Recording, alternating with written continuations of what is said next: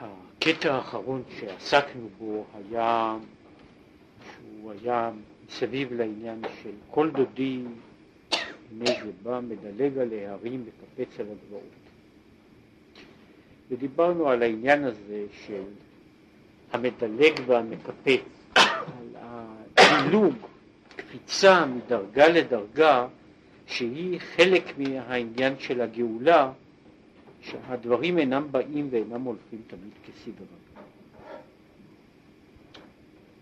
והנה אמרו חז"ל, שלושה דברים העולם עומד, על התורה ועל העבודה, זו תפילה, כמו שבוודאי בזמן הזה, לדעת הרמב"ם, העבודה שבלב היא בכל הדורות העניין של של תפילה, כלומר זאת עבודה, הפולחן לשם הוא העבודה, ועל גמילות חסדים. עכשיו, מה הם גמילות חסדים? שהם עצמם תיקוני המידות שבין אדם למקום ושבין אדם לחברו. יש העניין הזה של תיקון המידות, שאדם מתקן, מתקן את מידותיו, מתקן את מידותיו בין אלה שהן בין אדם למקום, בין אלה שהן בין אדם לחברו. וזהו תיקון, כמו שאמרנו, יש עניין, אמרנו, העניין של התורה הוא בתמציתו העניין של הלימוד, העיסוק, הטיפול בתורה כתורה, שהוא בעצם עניין אינטלקטואלי.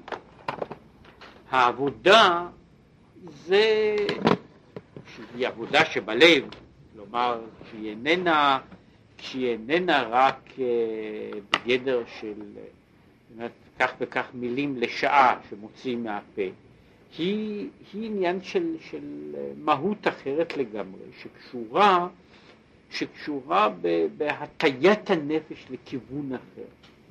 עכשיו, גמילות חסדים, הוא אומר, היא באופן כללי תיקון המידות. תיקון המידות לא במשמעות של תיקון ההתנהגות דווקא, אלא התיקון של המפתח, מפתח שבנפש שקובע את מידותיו של האדם.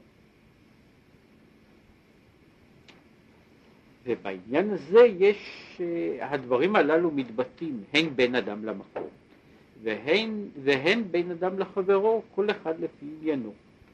והנה, בעניין תורה ותפילה כבר נתבאר בפסוק, נתבאר קודם, איך שהוא בחינת הגלות.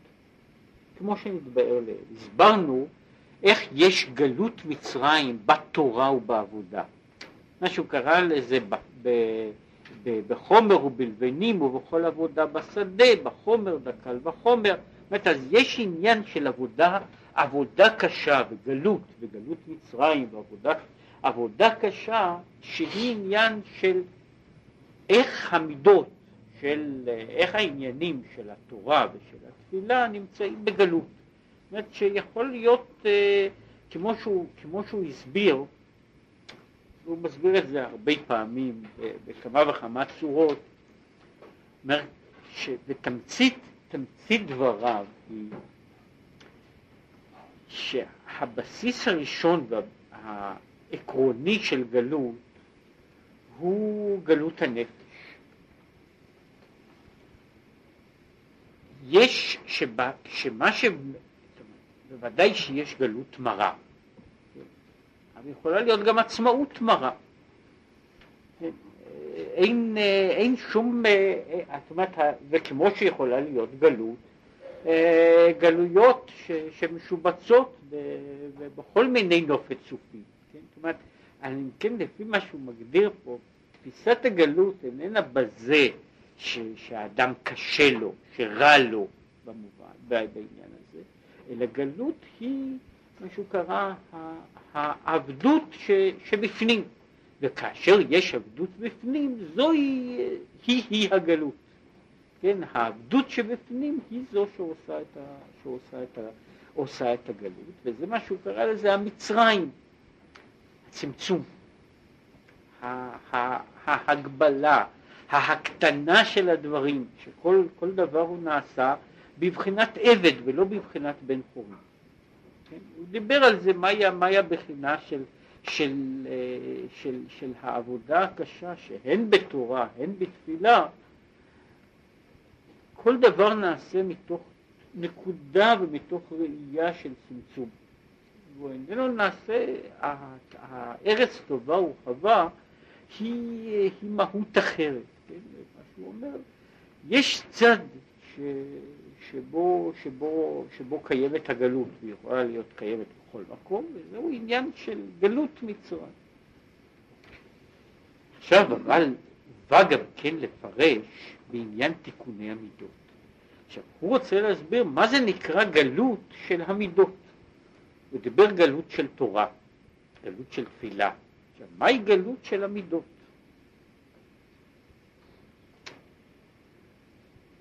וזה נקרא את כל עבודתם אשר עבדו בהם בפרך.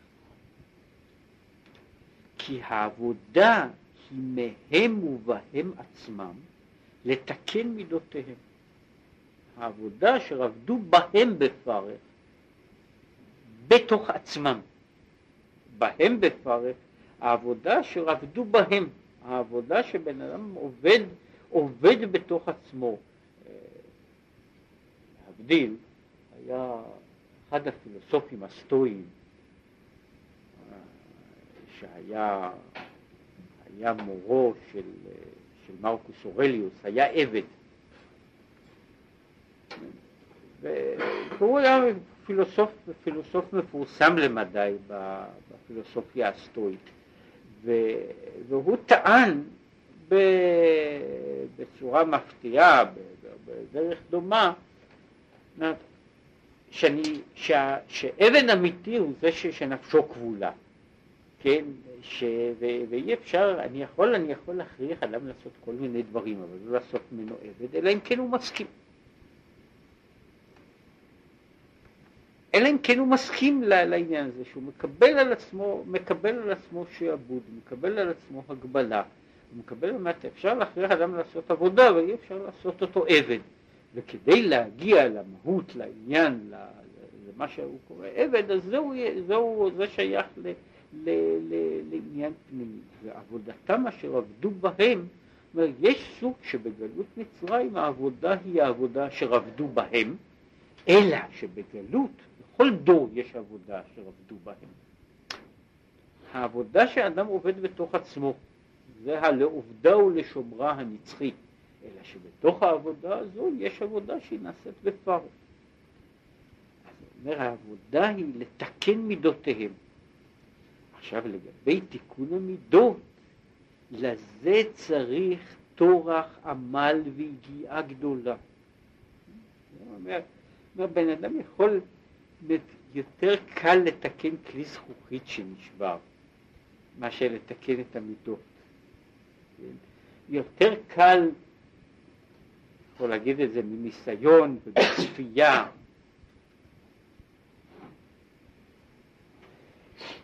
בן אדם יכול להיות, תאורטי, אתמול היה רשע גמור, היום עשה תשובה גדולה, ונעשה צדיק.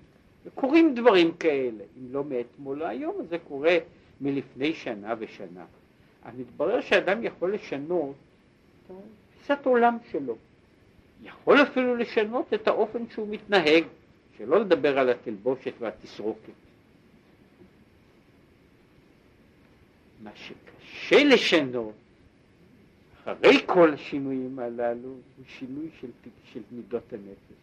זאת אומרת, יש אנשים, אה, זה, זה, זה דבר, זה דבר לפעמים זה טרגדיה, כן, ש, ש, שאני הכרתי מישהו שהוא היה חזיר, ועכשיו הוא חזיר קדוש, כן? אבל לא, אה, לא נעשה שינוי, שינוי, אה, שינוי בסיסי, שינוי בסיסי במידות הוא דבר מאוד חמור, מאוד קשה. זאת אומרת, כדי שיעשה שינוי כזה, זה צורך מה שהוא קורא לזה.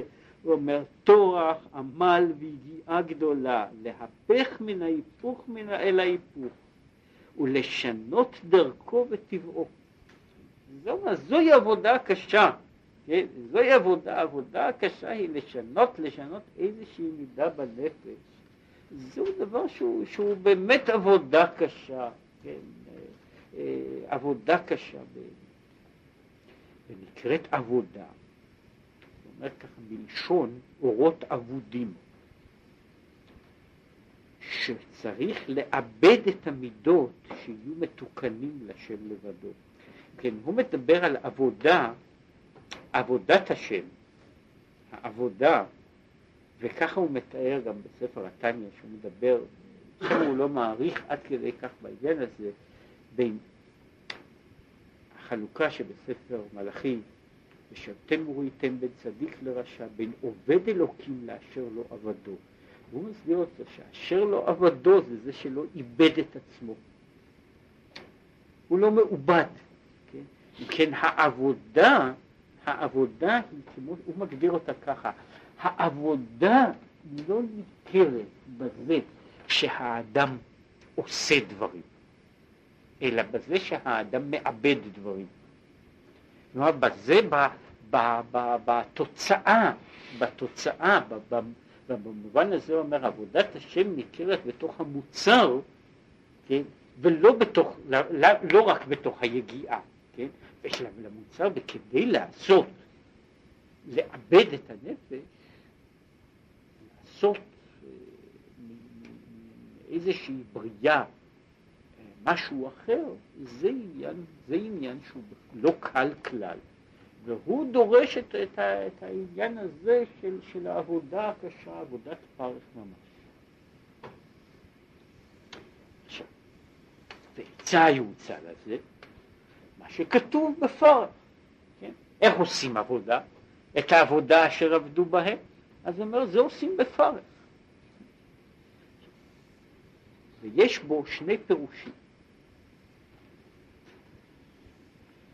וכמו שכתוב שם, אה, חז"ל מפרשים בפרך בשתי פנים. צד אחד הם מפרשים בפרך בפריחה, שבירה. צד אחר הם מפרשים בפרך בפרח. כן? ואומרים שגלות מצרים התחילה, כמו הרבה גלויות, היא מתחילה בפרח, כן? והיא נגמרת בפריחה. כן? אה, אה, בתמצית הוא אומר, וזה מה שרציתי, מה שאמרתי על העניין הזה של עבודת מצרים, התיאור של חז"ל, איך, איך יכל, יכול היה פרעה בשעתו להביא את היהודים לעשות את העבודה במצרים.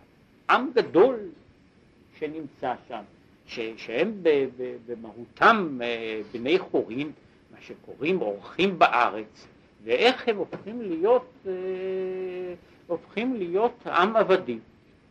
קודם כל היה פרעה הכריז שעושים מבצע התנדבות, כן, לבנות משהו, והוא בעצמו ניגש והלך לעשות את זה. נו, אז מי שרואה את פרעה עושה, אז מי אם לא היהודים יהיו הראשונים בתור לעשות את מה שקוראים לזה, את כל פעולות ההתנדבות, כן?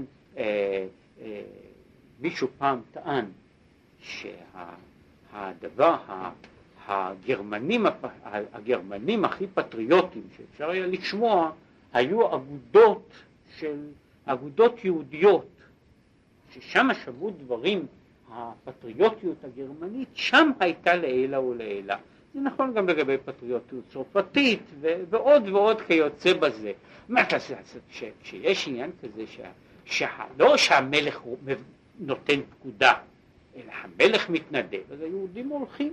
נו, אחרי שכבר התחילו לעבוד עוד ועוד ועוד, אחר כך זה כבר נעשה, נעשה עניין, כבר אומרים לו שכמו שהוא עבד ביום א' וב' בהתנדבות, עכשיו הוא עובד ומקבל שכר, ביום השלישי הוא עובד ומקבל אוכל.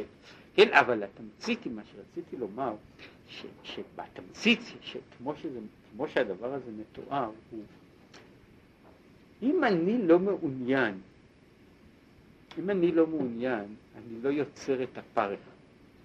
לא את העבדות. פה התיאור הזה של עבדות מצרים הוא תיאור, אין אני נעשה עבד למצרים אלא אם כן לא התנדבתי לזה. אחרי שהתנדבתי לזה, אז אחר כך נעשה, אני נעשה יותר עבד. כלומר, אני קודם קניתי לעצמי סוג מסוים של עבדות במהות. כן, אני הסכמתי, קיבלתי, אה, החלטתי שאני כך וכך עושה. אחרי שהדברים האלה נעשו, אז אני כבר נעשה עבד גמור. ואחרי זמן הוא מגלה שיש עוד צדדים לעניין, לדבר הזה.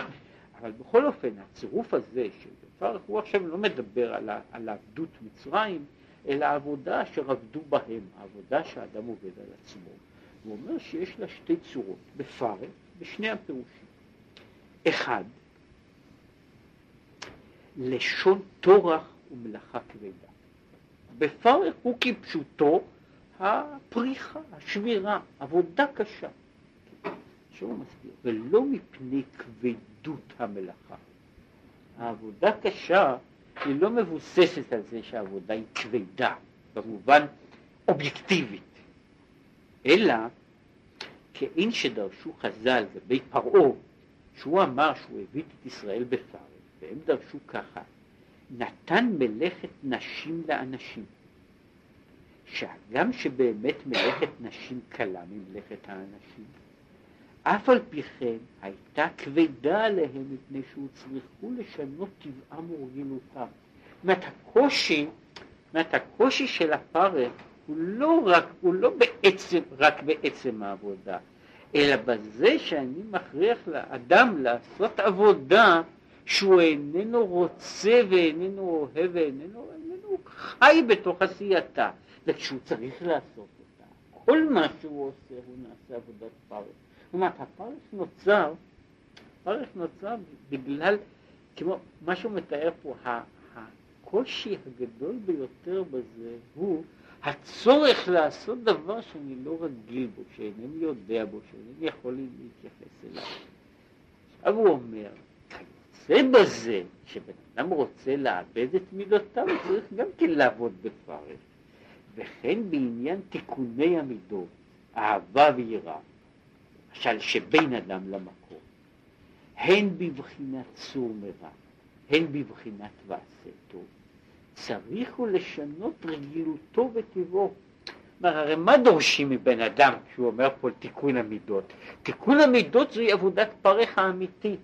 אומרת, אם הייתי דורש ממנו לעשות מה שהוא עשה כל הזמן, את הדברים שבנוסח, באופן, בדרך שהוא עשה אותם כל הזמן, אז היה פשוט. שאני, שיש עבודת פרך, פירושו של דבר שהאדם נתבע לעשות דבר שהוא לא רגיל לעשות, שהוא נתבע לעשות דבר שהוא לא יכול לעשות. עכשיו, על הדברים האלה זוהי עבודת פרך. אין יש בה, זה, מעין זה יש, יש קטע, אה, שני קטעים שנמצאים אה, בשמו של, ה, של הרבי אלימלך, קטע אחד שיש בו רמז לדברים הללו, אה, הוא נמצא עכשיו בהרבה מאוד סידורים, כולל בסידורים של נוסח אשכנז, שזה מין תפילה לפני התפילה, וזה נמצא בהרבה מאוד סידורים, סידורים קצת יותר גדולים, יש שם נוסח של מאוד מאוד חם, שהוא אה, מדבר על התפילה, על מהות התפילה, על הכנה לתפילה, ושם יש רמזים לזה. ויש דבר שנקרא צטל קטן, פתק קטן של הרבי אלימלך. שם באותו צטל קטן, אחד הדברים שהוא אומר זה כשבן אדם רואה שיש לו איזושהי מידה, שהיא לא בהכרח מידה רעה, אלא שהיא לא בהכרח מידה טובה, הוא צריך לעשות מאמץ כדי לשבור אותו.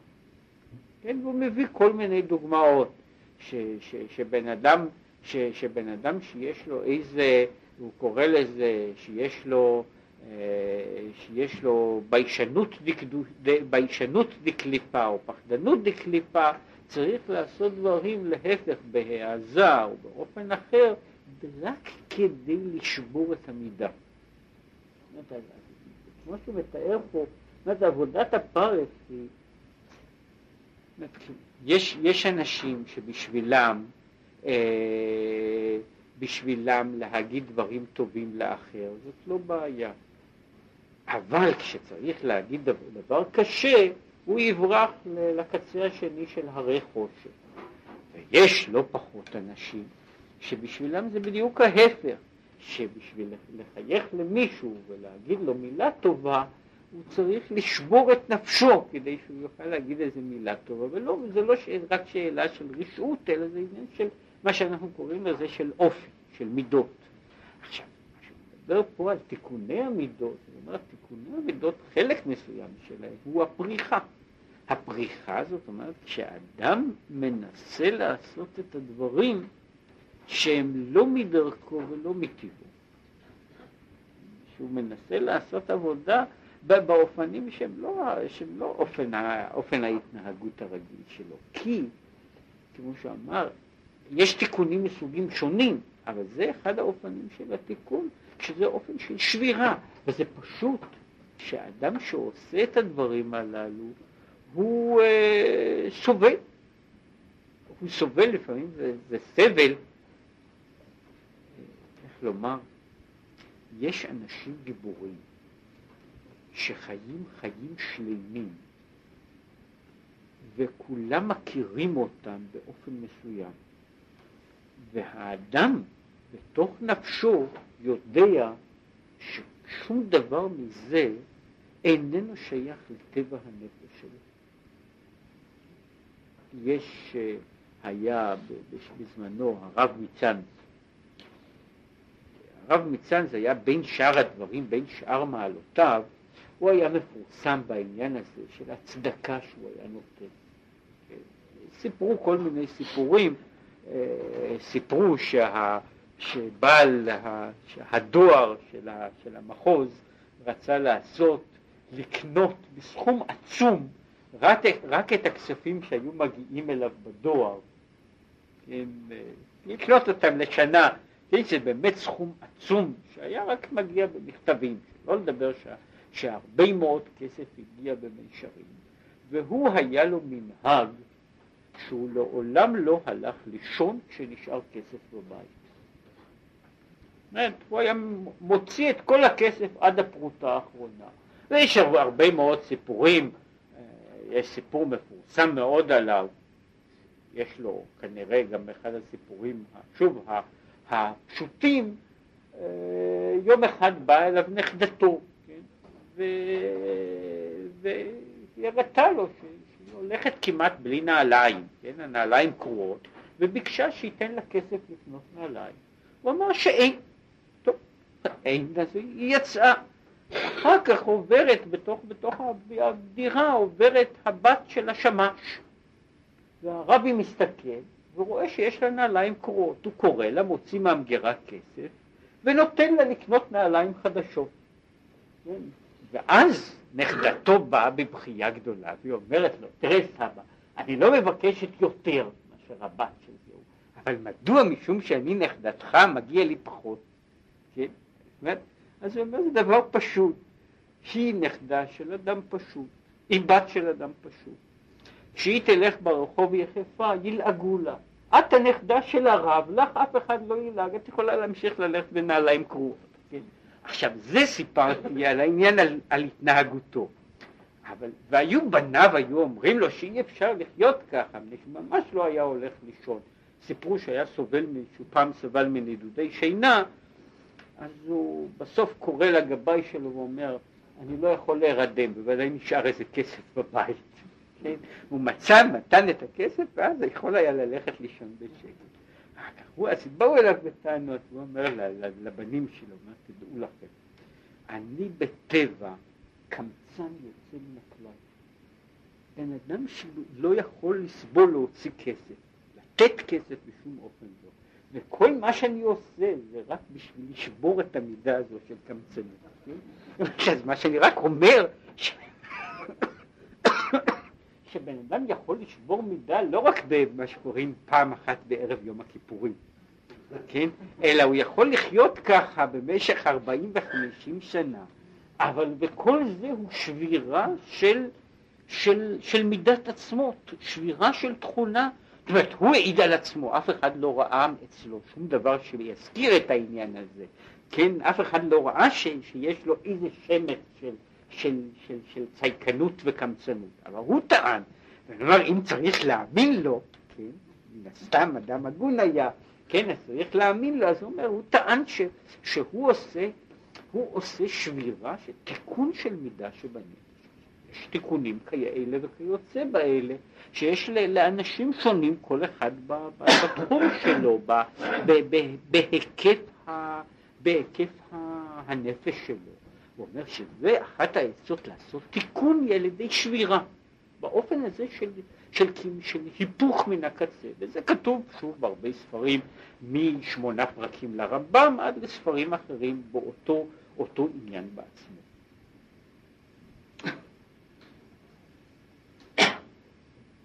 ופירוש השני הוא לשון פרח.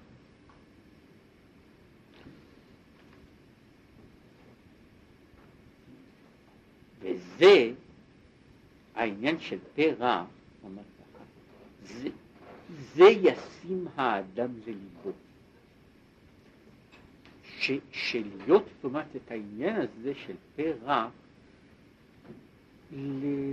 בתור כלל, בתור אופן, כמו בתיקון של המידות, כעס וקנאה וגדלות והתרוממות אחד על חברו, זה הכלל מענה רך ישיב חיימה. אז אם כן, יש עניין שיש מידות, יש מידות, אומר, שצריך לרכך אותן, שצריך לרכך אותן מעבר לעניין של שאר התיקונים והשינויים. אומר, יש מידות כאלה, שבמיוחד אלה שבין אדם לחברו, ושאומר שכולן באות, מה שהוא אומר, במענה רק ישיב חיימה, אומר, ולא חימה של חברו בלבד, אלא אף חימה שבו. דהיינו, כל המידות רעות שבין אדם לחברו, שיסודם היא בחינת גבורות. המשכיל יבין. זאת אומרת, כשהוא אומר שמענה רך ישיב חימה, אז הוא אומר כפשוטו מענה רך ישיב חימה, הוא שקשה, לא אומר שזה בלתי אפשרי ויש לזה גם, גם אופנים, אבל יש אופן של מענה רך ש, שלא נותן, אה, אה, אמר את זה פעם, אה, אמרו את זה כמה אנשים, פעם כתב איזה משה מנדלסון, שמישהו הציע לו, איזה, היה איזה כומר לותרני ש, שהציע הציע לעשות איתו ויכוח פומבי. הוא הבטיח במכתב פומבי, כן, שהוא עוד יתנגח עם משה מנדלסון. משה מנדלסון אמר לו, כן, שמו היה גם, היה לו שם שהיה מתאים לזה, הוא אומר, היה שמו דוקטור קלבלה, אז הוא כותב לו, דוקטור קלבלה יכול לנגוח אותי כמה שהוא רוצה, אבל הוא לעולם לא יזכה להתנגח איתי. כן, יש uh, העניין הזה של, של ללכת ולהתנגח עם בשביל להתנגח משמע צריך לזה פרטנר, כן? וכשאין פרטנר לזה זה הולך לגמרי באופן אחר, כן? וזה מה, חלק ממה שהוא אומר על מענה רך ישיב חימה, הוא אומר, זה, זה שבירה, זו שבירה של החימה מכל מיני צדדים, הוא אומר שזה בא בכל מיני דרגות בעניין הזה, אבל כשהוא מדבר על מענה רך ישיב חימה, הוא נכנס פה בצורה יותר מעמיקה לעניין של ישיב חימה. הוא אומר, החימה שהיא כעס, שהיא צד מסוים של המידה, של הגבורה, המענה רק משיב ומתקן את מידת החימה, לא רק שהאחר יש לו חימה או, או איבה כלפיי, אלא הוא משנה גם את המידה הזו של חימה שבי. בין החימה שיש לי כלפי אחרים. והן באופן יותר גדול את העניין הזה של מידת הגבורות. יש עניין של מידת הגבורות. מידת הגבורות היא, בתמצית אנחנו אומרים, ש, שכל ה... שיש סוג מסוים של מידות, של מידות רעות, שבאות מצד הגבורה. זה לא אומר שכל המידות רעות באות מצד הגבורה. יש מידות רעות שבאות גם מצד החסד. יש אנשים שיש להם חולשות מצד החסד. כן, אה, אה, בתמצית, בשורש היו אומרים שזה, ש, שיש יש מצד אחד יש עשיו, שהוא מה שקוראים לזה גבורות רעות, ויש ישמעאל שהוא חסדים רעים, כן? אז, אז אחד חוטא ברציחה, השני חוטא בזנות, אבל אה, אה, יש, יש אחד ש, שיש לו, אה, איך לקרוא לזה, יראה שלו במקום, והשני יש לו אהבה שלו במקום. אבל כשהוא מדבר פה על, ה, על המידות הללו, הוא אומר שבמידה, כיף גדול, המידות שקורא כעס, קינה וכולי וכולי, שהן באות מבחינה של מידת הגבורה, מידת הגבורה היא מידה שאם צריך לבוא ולהגדיר אותה באיזושהי הגדרה שלמה, זה לא פשוט. אה, מפני שהיא משמשת בעצם בכמה וכמה דרגות, אבל אם, אם למצוא שורש, מה זה גבורה? גבורה היא רק באופן משני. פעם למידה הזו, בספרי קבלה קדומים, היו קוראים למידה הזו פחד. על שם מה שכתוב בפסוק, כן? מידת פחד, פחד יצחק, כן? אבל המידה הזו גם בגיל, אף על פי שלכאורה נראה שמה הקשר בין פחד לגבורה, כן? פחד, גבורה, דין, זה הכל מידה אחת, כן?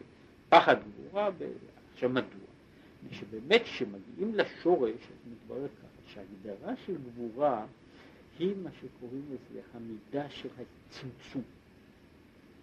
זה השורש, שורש ההגדרה של גבורה היא הצמצום, נקרא לזה קביעת גבולות והגבלות. קביעת גבולות והגבלות. לעומת המידה ההפוכה, שהיא המידה הזו של ההתפשטות, ההתרחבות. והמידה של הגבורה היא באופן כללי, היא מה שקוראים לזה, היא, היא תנועה צנטריפטלית. היא הולכת מן ה... היא מתכווצת מן החוץ אל הפנים. זו התנועה של התכווצות, כמו שהתנועה ההפוכה היא התנועה מן הפנים, מן הפנים אל החוץ. זה, זה החלק, זה החלק, ה, החלק מהותי של מה שקוראים לזה, של הנתינה, הנתינה והלקיחה, הגנה והעשייה, כן, שכל אלה הם, הם שני, הם שני הצדדים, מה שקורא שתי הידיים, שמאל דוחה וימין מקרבת, במשמעות הזו. עכשיו, ההגדרה של, של, של מידת הגבורה היא מוגדרת, מצד אחד הוא מגדיר אותה, שמידת הגבורה מצד אחד יש לה העניין של העוצמה, כן? והסיבה שיש, שיש בה עוצמה היא תלויה בזה והיא חלק, אגב, מכל העניין של עוצמה, וזה ה, הכוח של מידת הדין, וזה הכוח של בכלל של מהות הדין כהיקף, כ, כתפיסה מהותית של מהות הדין ושל דין, במהות הדין. הכוח שהגבורה בנויה על זה שבה יש ריכוז של כוחות. יש ריכוז של כוחות. כל התנועה של גבורה היא ריכוז, וכוחה של הגבורה הוא מפני שהכוח מתרכז במקום אחד. כל המהות של הגבורה היא מה שהוא קורא לזה צמצום הדברים עד ל... בתוך גבולות, בתוך הגדרות, בתוך אופנים.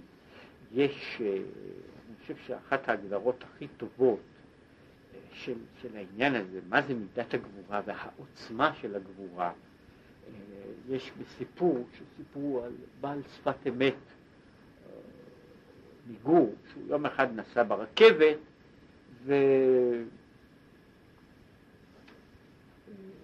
וכשהוא יצא לדרך, אחד מהחסידים אומר ש... שמגיע שהרבי ייתן לו דמי פרידה. כמו שנוהגים בכל מיני מקומות לתת, להשאיר מתנות קטנות לאלה ש... שנפרדים מהם. אז הוא אומר לו, בוא, אומר לך משהו, הוא אומר, אתה יודע למה לקטר יש כל כך הרבה כוח? מפני שהוא כולא בתוכו את הקיטור ולא מוציא את הכל.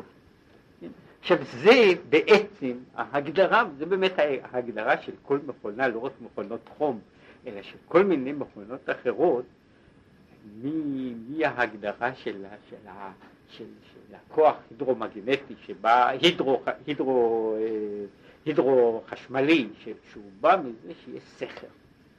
זאת אומרת שהוא כולא. במובן הזה הוא כולא את המים של הנהר, את הזרימה, ומזרים אותם לא רק בצורה מבוקרת, אלא גם בצורה שיכולה ליצור הרבה עוצמה במקום מרוכז. עכשיו, זה העניין של, של מידת הגבורה. עכשיו, זה כוחה. עכשיו, כוח זה, מן הצמצום הזה, מן ההגבלה של, שבמידה, מן ההגבלה שבמידה, זה שמידת הגבורה היא מידה של הגבלה שהיא יוצרת גם את, ה, את מהות החיכוכים שבין אדם לחברו. מפני שהיא בנויה כל הזמן על יצירת תחומים וגבולות והגדרות של מה מגיע לי ומה לא מגיע לי. ההגדרה מי יותר גדול ממי, וזה עניין של, של מהות, זאת אומרת יש מהות של ההג... המהות מוגדרת, מהות הנפש המוגדרת, שהיא צריכה להיות אני עומד בגובה הזה, ואני לא, לכן לא ראוי שאני אשב בגובה אחר, מה שהוא קורא לזה התרוממות על אדם וחברו. זה אותו דבר שייך למידה של קנאה ולמידות אחרות, שהן בנויות כל הזמן, כל הזמן הן בנויות מזה שהאדם יוצר, יוצר בתמצית, יוצר ומודד